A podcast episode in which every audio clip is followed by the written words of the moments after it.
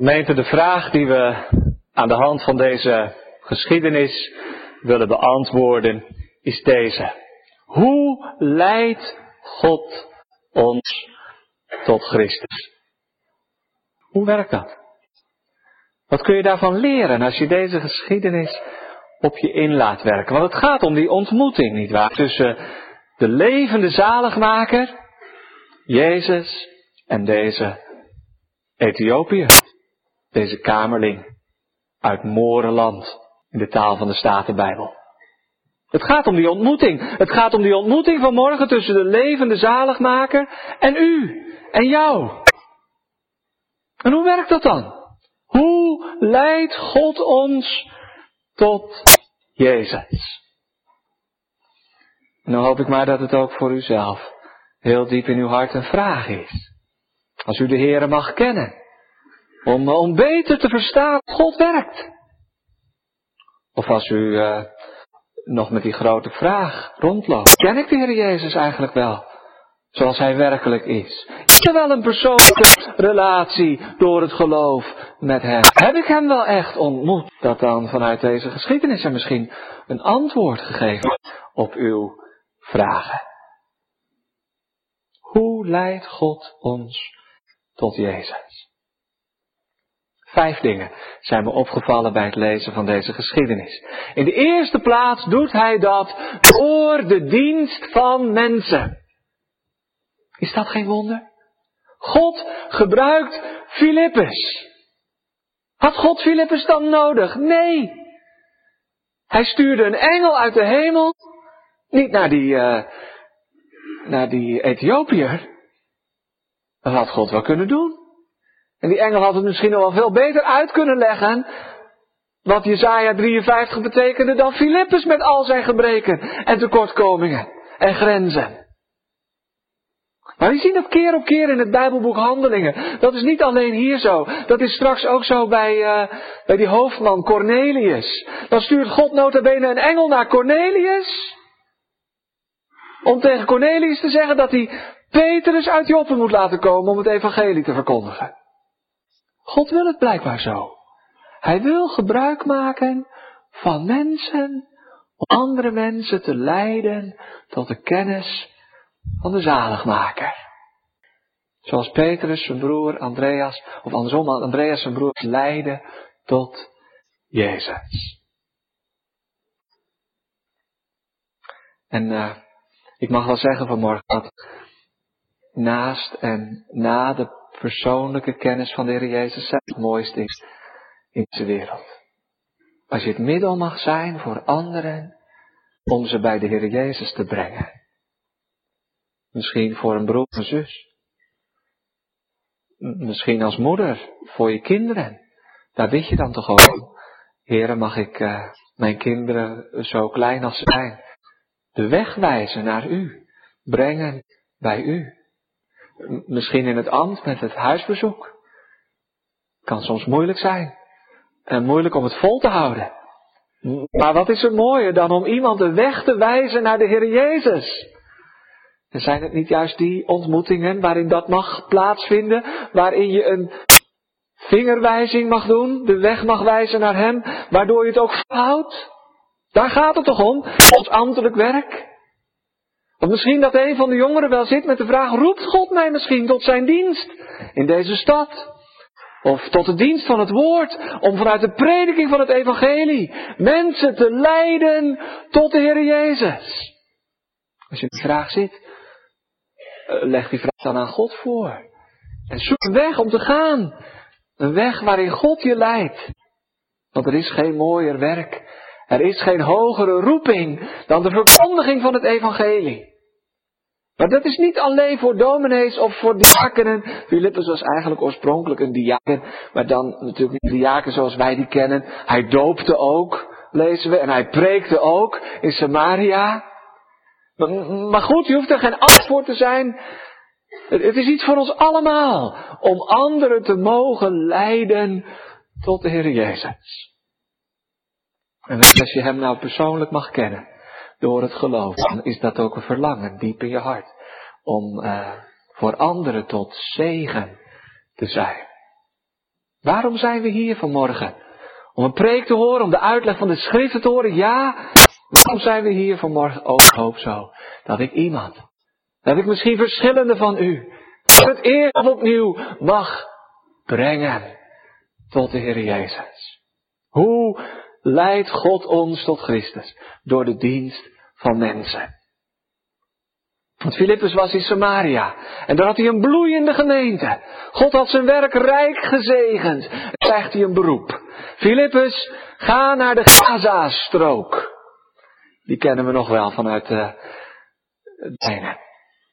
Die Gaza-strook die, die woest is. Ja, die is nog woest. Dan om andere redenen dan toen. Want toen was het onbewoond gebied. Die zal maar een beroep krijgen naar de Gaza-strook.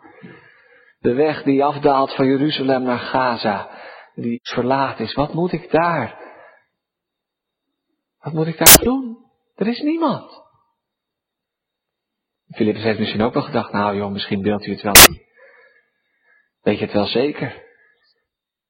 Dat is wel een proeving van God.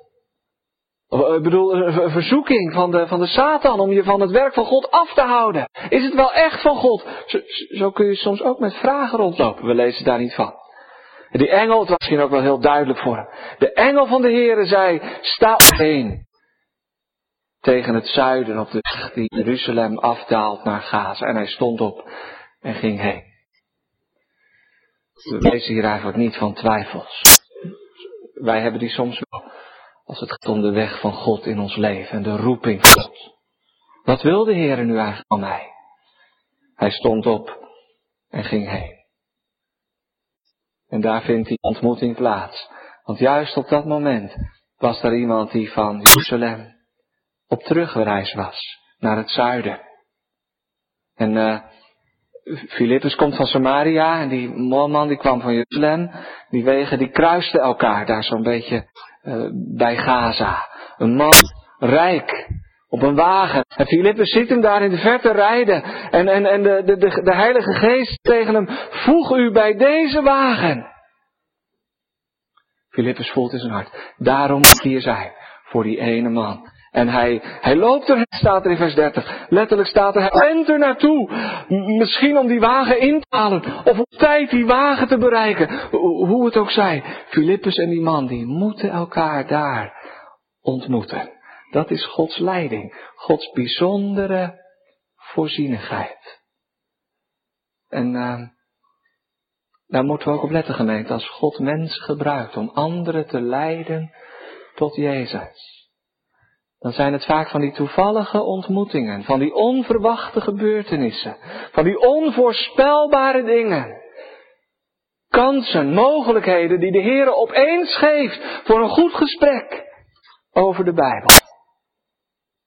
Zijn we daar ook alert op? Als je hier in de stad woont, waar zoveel mensen zijn die niet meer naar de kerk gaan, waar zoveel mensen zijn van een andere religie, moslims. Misschien zijn er ook wel onder hen, dat weten we niet, die, die diep in hun hart, net als deze man, toch op zoek zijn naar iets. Op zoek naar God. Wat je ook van die man kunt zeggen, hij had een, een godsgemis. Hij was op zoek. Hij wilde naar Jeruzalem om daar de levende God te dienen. En, en die, die door God gearrangeerde ontmoeting hier op de weg van Jeruzalem naar Gaza. Dat was het, het moment waarop Filippus hem leidde tot Jezus. Zijn wij alert op die toevallige, onverwachte gebeurtenissen en ontmoetingen. En op de leiding van de Heilige Geest. Niet dat de Heilige Geest altijd zo direct spreekt door een engel, Zoals hier, of, of in het hart van Filippus, voeg u bij deze wagen. Maar, maar als u in afhankelijkheid van de Heer leeft, dan geloof ik dat er veel meer gelegenheden zijn om een goed woord van Hem te spreken, dan dat we nu zien en nu benutten. We durven vaak niet. We vinden het vreemd. Je begint toch niet zomaar over, over de Bijbel of over God, over Jezus te spreken met iemand die je helemaal niet kent. Dat doe je toch gewoon niet? Nee, dat doen we ook niet. En daarom doen we het ook niet. Maar, is dat eigenlijk niet een soort, een soort mensenvrees? Waarom zou je dan zomaar over de voetbal beginnen te spreken of over het weer? Dat is meestal het eerste gespreksonderwerp, ja. Nou, het is niet zo mooi weer in de vakantietijd. Vorig jaar, weet je nog, van die hittegolf. Nu veel regen. En zo begin je een gesprek. Maar, maar als je de Heer mag kennen, waarom zou je er dan niet alert op zijn? Om, uh, om over hem te spreken. In ieder geval biddend je weg te gaan. Heren, als er een mogelijkheid is om een goed woord van u te spreken, help me dan. En laat mij het zien. Dat is één. God maakt gebruik van de dienst van mensen. Hoe leidt God ons tot Christus? Twee. Dat doet hij vaak door weg van voorbereiding. Dat vind ik nou zo mooi in deze geschiedenis. Die man was er helemaal klaar voor. Ja, dat wist Filippus niet. Hij hoorde hem opeens lezen uit de profeet Jezaja. Nou, dat was wel heel opvallend. Want die man er uit de Bijbel zat te lezen. Maar hij wist niet wie hij was. Hij wist niet wat er aan vooraf gegaan was. Maar God op zijn eigen wijze. Deze man voorbereid op die ontmoeting met de Heer Jezus Christus. We zouden kunnen spreken hier heel duidelijk van een toeleidende weg naar Jezus toe. Dan moeten we daar niet te veel van maken natuurlijk, van die toeleidende weg. Alsof dat alles zou zijn, alsof we dat tot in de details zouden beschrijven van de ene stap naar de andere stap. De Heilige Geest is heel vrij in zijn werking. En de ene komt op deze weg en de andere op die weg. Als we op dezelfde plaats uitkomen bij de Heer Jezus Christus. De weg, de weg is niet zo belangrijk. Sommige mensen maken van die toeleidende weg zoveel dat alles eigenlijk daarom draait en daarom gaat. Alsof je op vakantie gaat naar Zwitserland. En dan daar ergens bij, bij Baden, Baden in Duitsland, zo drie kwart halverwege, dan zegt, nou ik ben al een heel eind op weg naar de bestemming. Ik blijf maar hier. Of ik ga maar terug. Want ik ben al zo ver gekomen op die toeleidende weg naar mijn bestemming. Nee, niemand die dat doet. Je bent blij als je op weg bent. Maar je bent daar niet tevreden mee. Dat is, dat is niet genoeg. Het gaat hier ook in deze geschiedenis om de ontmoeting met Jezus Christus. En toch mogen we ook heel eerlijk zijn vanmorgen. En inzien dat er wel wat aan vooraf gegaan was bij deze man. En misschien helpt het ons om dat ook in ons eigen leven te herkennen. Of bij anderen te herkennen. Wat was er dan aan vooraf gegaan? We moeten er ook niet meer in lezen dan wat er staat. Hij was gekomen, staat er, om aan te bidden te Jeruzalem. Deze man was rijk en hij was machtig. Een uh, minister van Financiën van de Kandatzee. Dat is de titel koningin van Ethiopië. Een hoge en aanzienlijke post in het kabinet. Machtig en rijk. Hij had overvloed. Hij had geen gebrek aan enig ding. Hij had alles wat zijn hart begeerde. En toch, diep in zijn hart, was een vraag. Je, je zou kunnen zeggen, er was een gat in zijn hart. Hij mist iets. Hij mist het ware geluk. Hij miste de ware vrede. Misschien had hij dat wel geprobeerd te vullen met zijn rijkdom, met zijn eer, met zijn macht. Maar als hij heel eerlijk was en bij zichzelf te raden ging, dan voelde hij dat er iets in zijn leven niet in orde was. Dat ontbrak. Hoe kan het ook zijn met die mensen om ons heen? Die rijk zijn, gelukkig zijn. En alles hebben wat hun hart begeert. Dat er toch diep in hun hart onvrede leeft. Want laten we heel eerlijk zijn, als we niet met God verzoend zijn door de Heer Jezus Christus, dan, dan kunnen we ons wel gelukkig voelen. Natuurlijk zijn we gelukkig voelen. Maar dan kunnen we ten diepste niet gelukkig zijn. Wat was er aan vooraf gegaan bij deze man? In één woord. Een godsgemis. Heimwee naar een onbekende God. En nou zou ik die uh, cirkel ook wat nauwer kunnen trekken vanmorgen in de Maranatenkerk. Want er is best veel godsdienst onder ons, natuurlijk. En we hebben ook alles wat ons hart begeert, met godsdienst erbij. Maar is er nou iemand vanmorgen in de kerk, dat vraag ik me zo af, met een leeg hart? Met Gods gemis. De droefheid naar God, die een onmogelijke bekering werkt tot zaligheid. Een droefheid. Een leeg hart.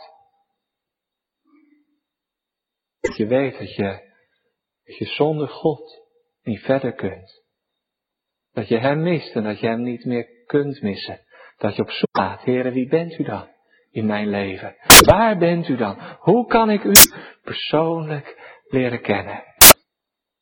En zo heeft die man gevraagd aan de koningin om toestemming om naar Jeruzalem te gaan. Maar wat ga je dan doen? Ja, ik wil daar naar de tempel. Ik wil daar aanbidden in Jeruzalem. Aanbidden is nog iets anders dan bidden. Bidden dat is vragen aan God. Aanbidden dat is, eh, letterlijk staat er, je neerwerpen. In aanbidding, in overgave. Waar deze man, dat is het tweede wat eraan vooraf gaat. Hoe dat gegaan is, dat weten we niet. Maar blijkbaar had hij iets vernomen van de levende God. Was het gekomen door de Joden die door de hele wereld verspreid waren in de diaspora, ook in Afrika? Waren Joodse kolonies in die tijd? Was het daardoor gekomen? Of was het misschien op een van zijn verre reizen gekomen dat hij, dat hij een Bijbel of een gedeelte van het Oude Testament gelezen had? We weten het niet. Op een of andere manier was deze man erachter gekomen dat daar in Jeruzalem een God gediend werd die hoger was dan alle goden van Ethiopië. De enige ware God die de hemel en de aarde gemaakt heeft. De onbekende God, de almachtige God, de eeuwige God. En diep in zijn hart verlangen om die God te dienen. En zo ging hij op reis naar Jeruzalem om te aanbidden. Om de tempel binnen te gaan. Tenminste, dat mogen we wel veronderstellen, dat je die reis naar Jeruzalem niet maakt zonder de bedoeling te hebben om ook de tempel te bezoeken en daar in het voorhof van de heidenen de levende God te dienen. Maar dan stuit je ook gelijk op een probleem. Want deze man mocht de tempel in Jeruzalem niet binnengaan. In de wet van God in Deuteronomium 23 staat dat een gesnedene, iemand die ontmand is, gecastreerd is, in de vergadering van de Here niet mag komen. Dat is uitgesloten. U zegt misschien waarom dat dan gebeurt met deze man. Nou, dat was vroeger wel gebruikelijk in die, uh, die heidense volken, zo'n zo'n koningin. U kunt zich dat voorstellen, ze hadden zich ook wel een heilig voelen, niet waar? En soms werden ook slaven wel gecastreerd. En soms hoorde dat er gewoon bij, ja, je kunt die, die, die post wel krijgen, maar er hangt wel een prijskaartje aan dan. Ja, vooruit dan maar. Hoe dat gegaan is, als dat weet Maar we kunnen er wel van uitgaan dat deze man niet, eh, soms wordt hetzelfde woord uinig wel gebruikt voor een hooggeplaatst persoon. Is niet altijd helemaal zeker of iets werkelijk ontmand is. Maar hier kunnen we er eigenlijk wel van uitgaan, vanwege dat verband met Jezaja 56. Dat deze man met al zijn rijkdom en al zijn eer en macht toch eigenlijk verminkt lichaam.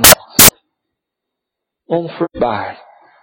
En wat hij waarschijnlijk niet wist, ook buitengesloten. Uit de dienst, uit de gemeenschap, uit het huis van de Heer. En zo, uh, zo is dat gegaan in Jeruzalem bij de poort. Toen hij als buitenlander toestemming vroeg.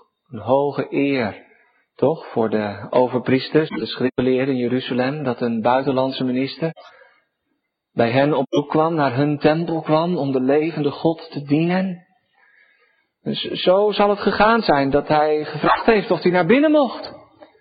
En dat toen de, de, de, de priesters in Jeruzalem gezegd hebben, helaas, we zijn heel blij en dankbaar. We vinden het geweldig dat u helemaal gekomen bent uit Ethiopië naar Jeruzalem om de levende God te dienen. Maar we moeten u teleurstellen. U mag niet op het tempelplein komen. Zelfs het voorhof van de heidenen is voor u verboden terrein. Want u bent een eunuch. U bent een gesnedene. En er staat in onze wet, in de wet van God, dat een gesnedene in het huis van God niet zal komen in de vergadering van de Heer.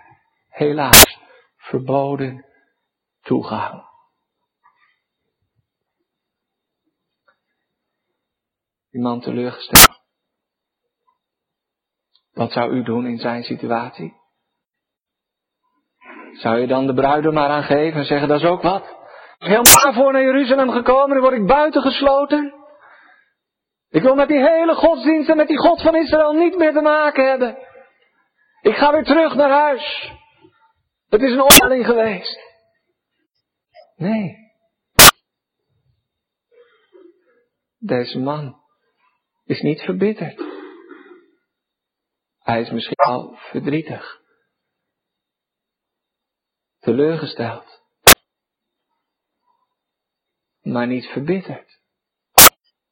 Hij kan toch die God van Israël, die God van Abel, niet missen. Hij gaat naar een boekhandel. En hij koopt de Bijbel. En niet zoals wij dat doen, voor een uh, 25 euro. Dat was natuurlijk in die tijd een enorm bedrag. Een handgeschreven boekrol van Jezaja in de Griekse vertaling van de Septuagint waarschijnlijk. Grieks was de wereldtaal. Een handgeschreven boekrol, dat moet een vermogen gekost hebben. De gewone mensen hadden helemaal geen Bijbel. Konden vaak niet lezen of schrijven. En als ze het wel konden, konden ze geen boekrol betalen. Dat was alleen voorbehouden aan de hele rijken, maar hij kocht een rol van Jezaja, want hij kon de levende God, die hem in wet en woord had buitengesloten, toch niet zijn. We hebben het nog steeds over die toeleidende weg naar Jezus toe. En Calvijn zegt uh, over deze gezin, dat is toch vreemd? Had uh, die engel dan niet wat eerder tegen Filippus kunnen zeggen dat hij naar de weg van Gaza moest gaan, als die man op de heenweg moest naar Jeruzalem toe? Dat was logischer geweest dat hij daar op de weg naar Jeruzalem gehoord had van de Messias van Israël die gekomen was om zondaren zalig te maken. Nou, die man op de terugweg. Nee, zegt Calvijn, daar heeft God een beding mee.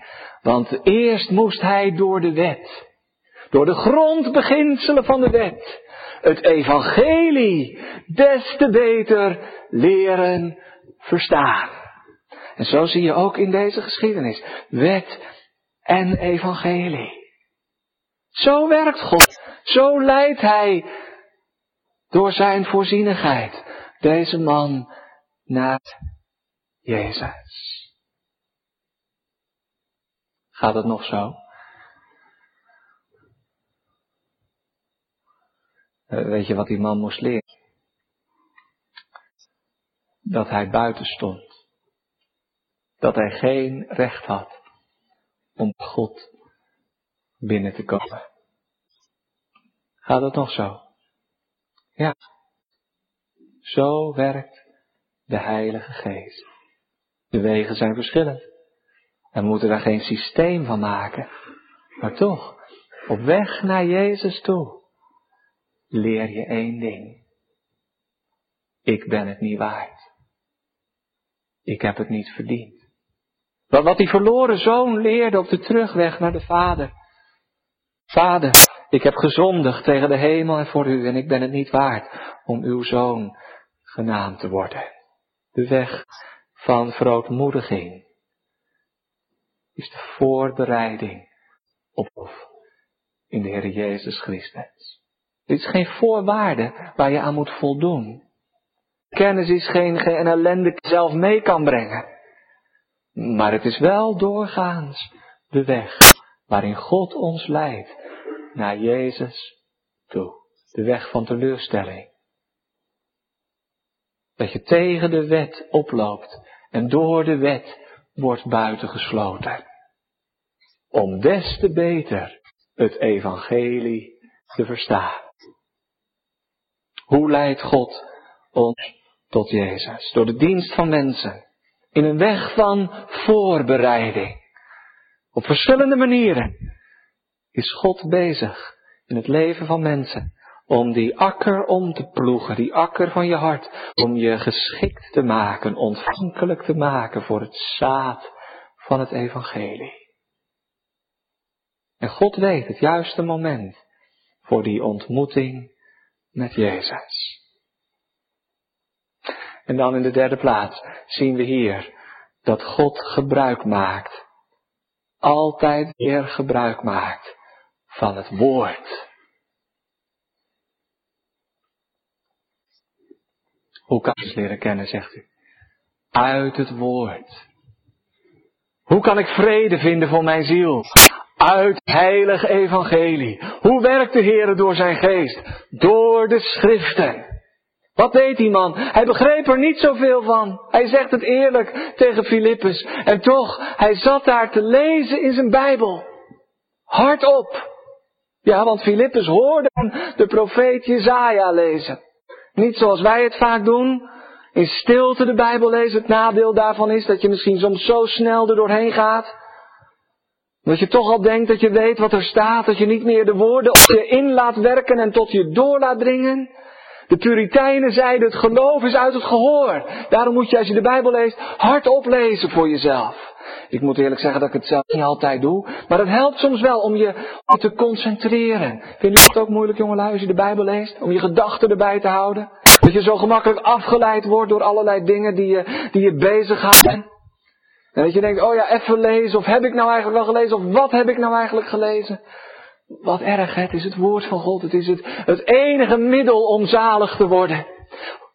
God, Heer, spreekt in dat. Hij heeft zichzelf gegeven. Hij heeft zijn zoon gegeven. En, en door de Bijbel kunnen we daarmee kennis maken. Wat zijn we bevoorrecht. Er zijn miljoenen christenen in deze wereld. Als je ze zou vragen, wat zou je graag willen hebben?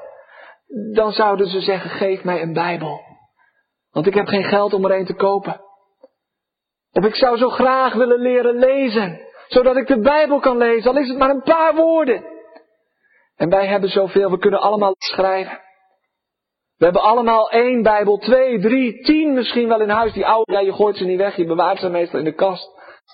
Wat een voorrecht, maar, maar wat, wat erg dat we er zo nonchalant mee omgaan. Dat we er zo weinig gebruik van maken. Deze man, weg van Jeruzalem terug naar huis. Met al de vragen in zijn hart. Uitgesloten, buitengesloten uit de tempel, het huis van de Heere. En toch, hij kon het niet laten.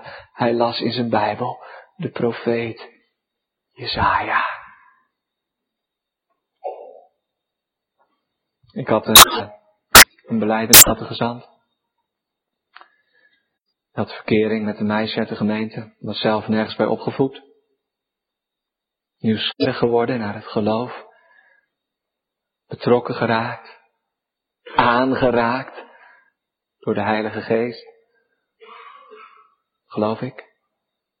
En hij kwam bij me zo in februari en hij zegt, nee, ik, ik zit ergens mee. Ik zeg, wat is er joh? Hij zegt, om beleidenis te doen, hè, moet je dan de hele Bijbel gelezen hebben? Want ik ben pas Isaiah. En het is nou februari en ik weet niet of ik dat red op tijd.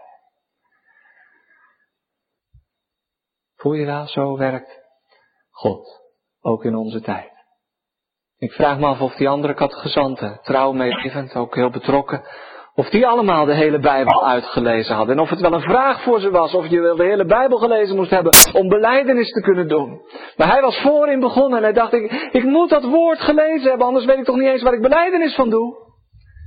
En ik heb maar gezegd, nou, of je het helemaal uit moet hebben, dat, dat zal ik niet zeggen. Maar ga dan maar gewoon rustig door. Kort altijd op je inwerken. En eh, dan, dan maak je dat laatste gedeelte maar af nadat je beleidenis gedaan hebt. Is daar liefde in ons hart voor het woord? Voor de uitleg van het evangelie? En uh, het is niet elke dag zo dat je iets nieuws ontdekt.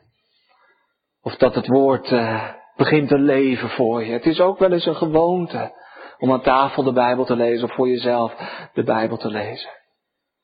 En het ligt aan ons hoor, het ligt echt aan ons. Het is ook wel eens een, een sleur. Erg? Ja, erg. Maar zo is het. Maar toch blijven doen. Een goede gewoonte. Omdat God het wil zegenen. Omdat God het wil gebruiken. Ook al begrijp je alles niet. En de Filippus maakt van die gelegenheid gebruik. Hij hoort hem Jezaja lezen. Begrijpt u het ook? Verstaat u ook wat u leest? En hij zegt, hoe zou ik kunnen als er niemand is die mij onderricht? Kom eens bij me zitten op de wagen. Die man was eerlijk. Hij was niet hoogmoedig om uh, maar te laten voorkomen dat hij alles wel wist en wel begreep. Maar hij had iemand nodig om hem te helpen bij de uitleg van de schrift. En de plaats van de schriftuur die hij las was deze. Hij is gelijk een schaap ter slachting geleid. En gelijk een lam stemmeloos is voor dien die het scheert, als deed hij zijn mond niet open. En die man die kijkt naar Filippus. Van wie zegt de profeet dit? Van zichzelf? Of gaat het hier over iemand anders? Ik begrijp er niets van. Een lam dat ter slachting geleid wordt. Heeft dat misschien te maken met de offerdienst die ik gezien heb in Jeruzalem? Een lam ter slachting geleid? Wie zal zijn geslacht verhalen? Zijn leven wordt van de aarde weggenomen. Waar gaat dit over? Over spreekt de profeet hier? Over zichzelf of over iemand anders? Hoe leidt God ons tot Jezus? Door de dienst van mensen. In een weg van voorbereiding. Door zijn woord. En dan hier in de vierde plaats. Door een confrontatie met de levende zaligmaker. Want Filippus doet zijn mond. Hij weet misschien ook niet waar hij beginnen moet en wat hij zeggen moet. Maar hij begint maar. Hij doet zijn mond open en beginnende van diezelfde schrift verkondigde hem Jezus. Ja, zo werkt God door de verkondiging. Letterlijk staat er, hij evangeliseerde hem, Jezus. Hij verkondigde hem, Jezus, beginnende bij diezelfde schrift. Daar zie je de ontmoeting plaatsvinden. De verkondiging, door de confrontatie met de levende zaligmaker. Wat heeft Filippus gezegd over Jezus? Hij heeft natuurlijk gesproken over de verzoening. Het gaat toch over het lam van God. Filippus heeft de woorden aangehaald van Johannes de Doper. Zie, het lam van God dat de zonde der wereld wegneemt. Hij heeft verteld, de wet, de wet die deze man had buitengesloten, in vervulling was gegaan door het werk van de Heer Jezus Christus. Wat staat niet in Isaiah 53? Hij heeft onze krankheden op zich genomen en onze smarten heeft hij gedragen. Om onze ongerechtigheden was hij verbrijzeld en de straf die ons de vrede aanbrengt was op hem. Weet u wat een paar jaar geleden hier in Jeruzalem gebeurd is? Nee, daar hebben de overpriesters in de tempel u niet van verteld. Laat ik het u dan. Jezus van Nazareth, de Zoon van God, door de Vader gezonden in deze wereld. Hij heeft zijn leven opgeofferd, is gestorven aan het kruis, door de handen van de Romeinen, door Pontius Pilatus. En hij zijn leven gaf en toen zijn bloed gevloeid heeft. Toen is dat in vervulling gegaan, waar u net van lezen hebt. Het lam, als een lam werd hij ter slachting geleid. Als een schaap dat stilloos is voor dien die het scheert. Alzo deed hij zijn mond niet en hij verkondigde hem Jezus.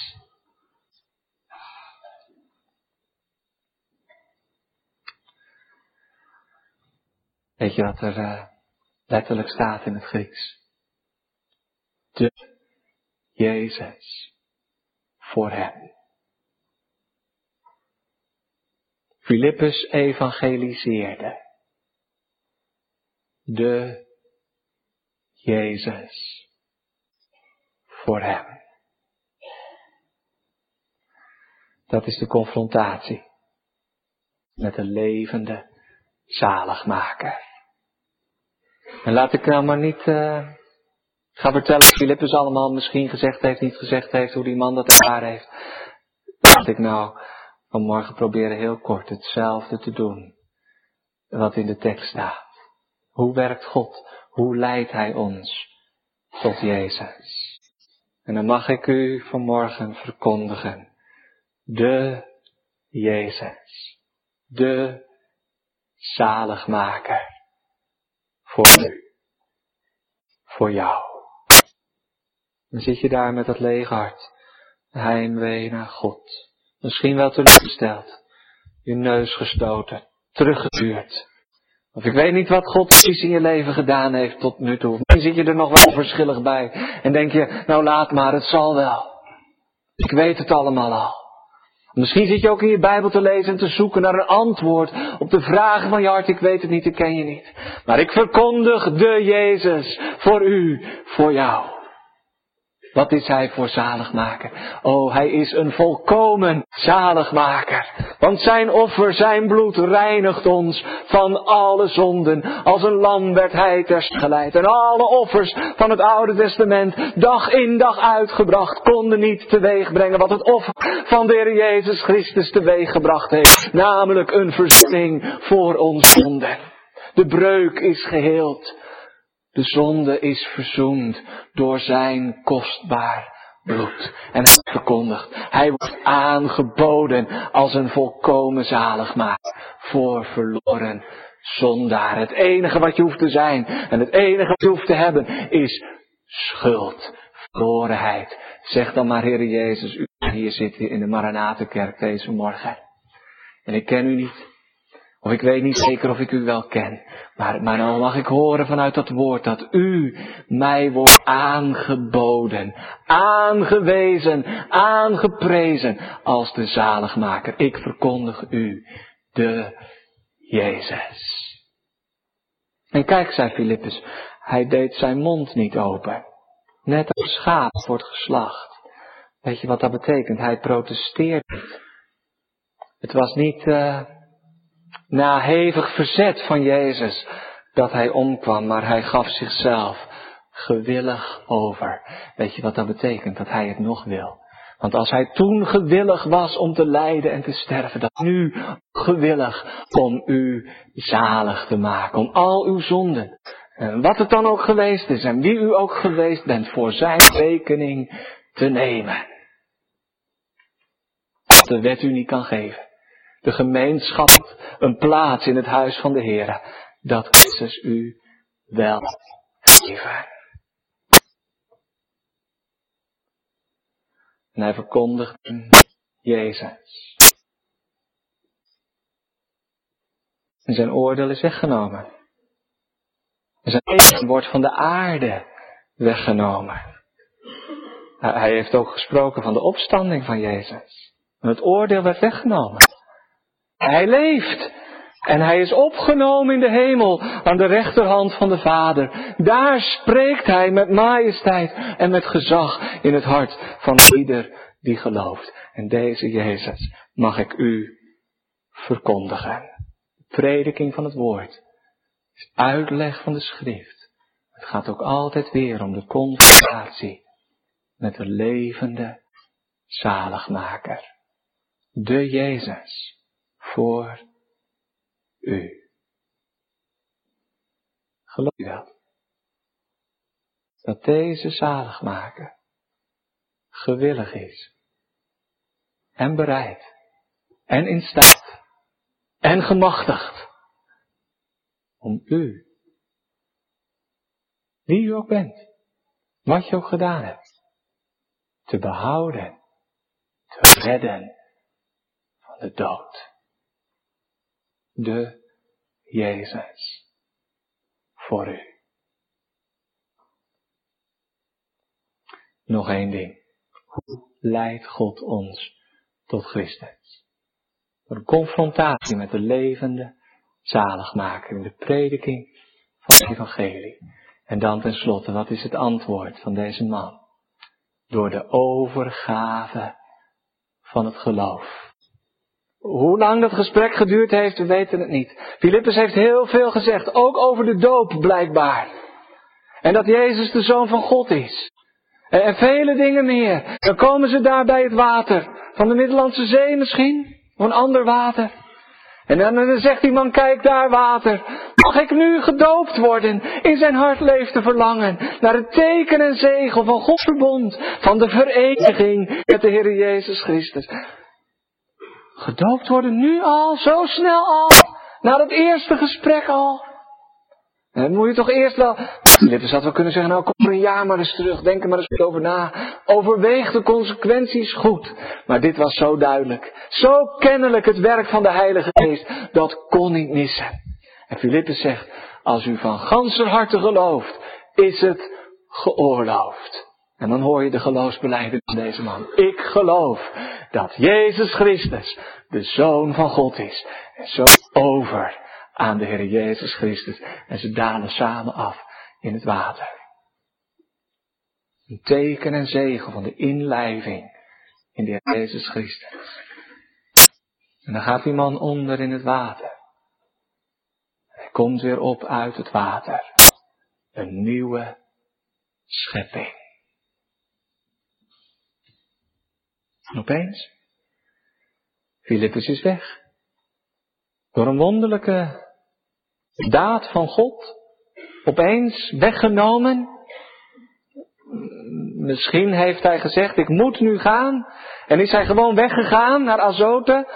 Dat weten we niet precies of dat echt op een wonderbaarlijke wijze gebeurd is. Maar in ieder geval, ze moeten afscheid nemen. En hij zag hem niet meer. Filippus zag hij niet meer, maar hij zag wat anders wel. Hij zag de Heer Jezus Christus.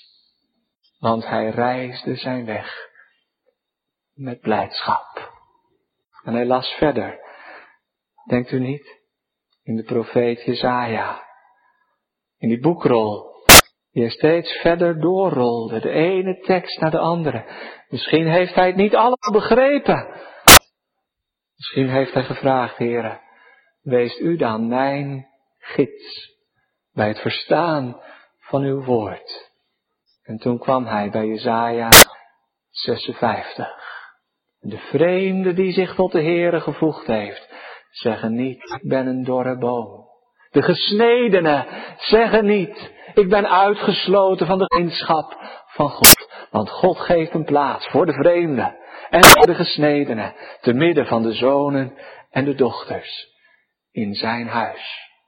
En zijn huis zal een huis van gebed genaamd worden voor alle volken. Niet meer de tempel in Jeruzalem, maar de nieuwe tempel in de Heer Jezus Christus. En hij reisde weg met blijdschap. En waar is hij nu? Deze eunuch, deze Ethiopische kamer, in het eeuwige Jeruzalem, in de tempel van God, in de stad van God. In de hemelse wachtkamer. Voor de nieuwe hemel en de nieuwe aarde. Zie, het lam van God, dat de zonde der wereld wegneemt. En ik zag niet het lam, staande in het midden van de troon. Amen.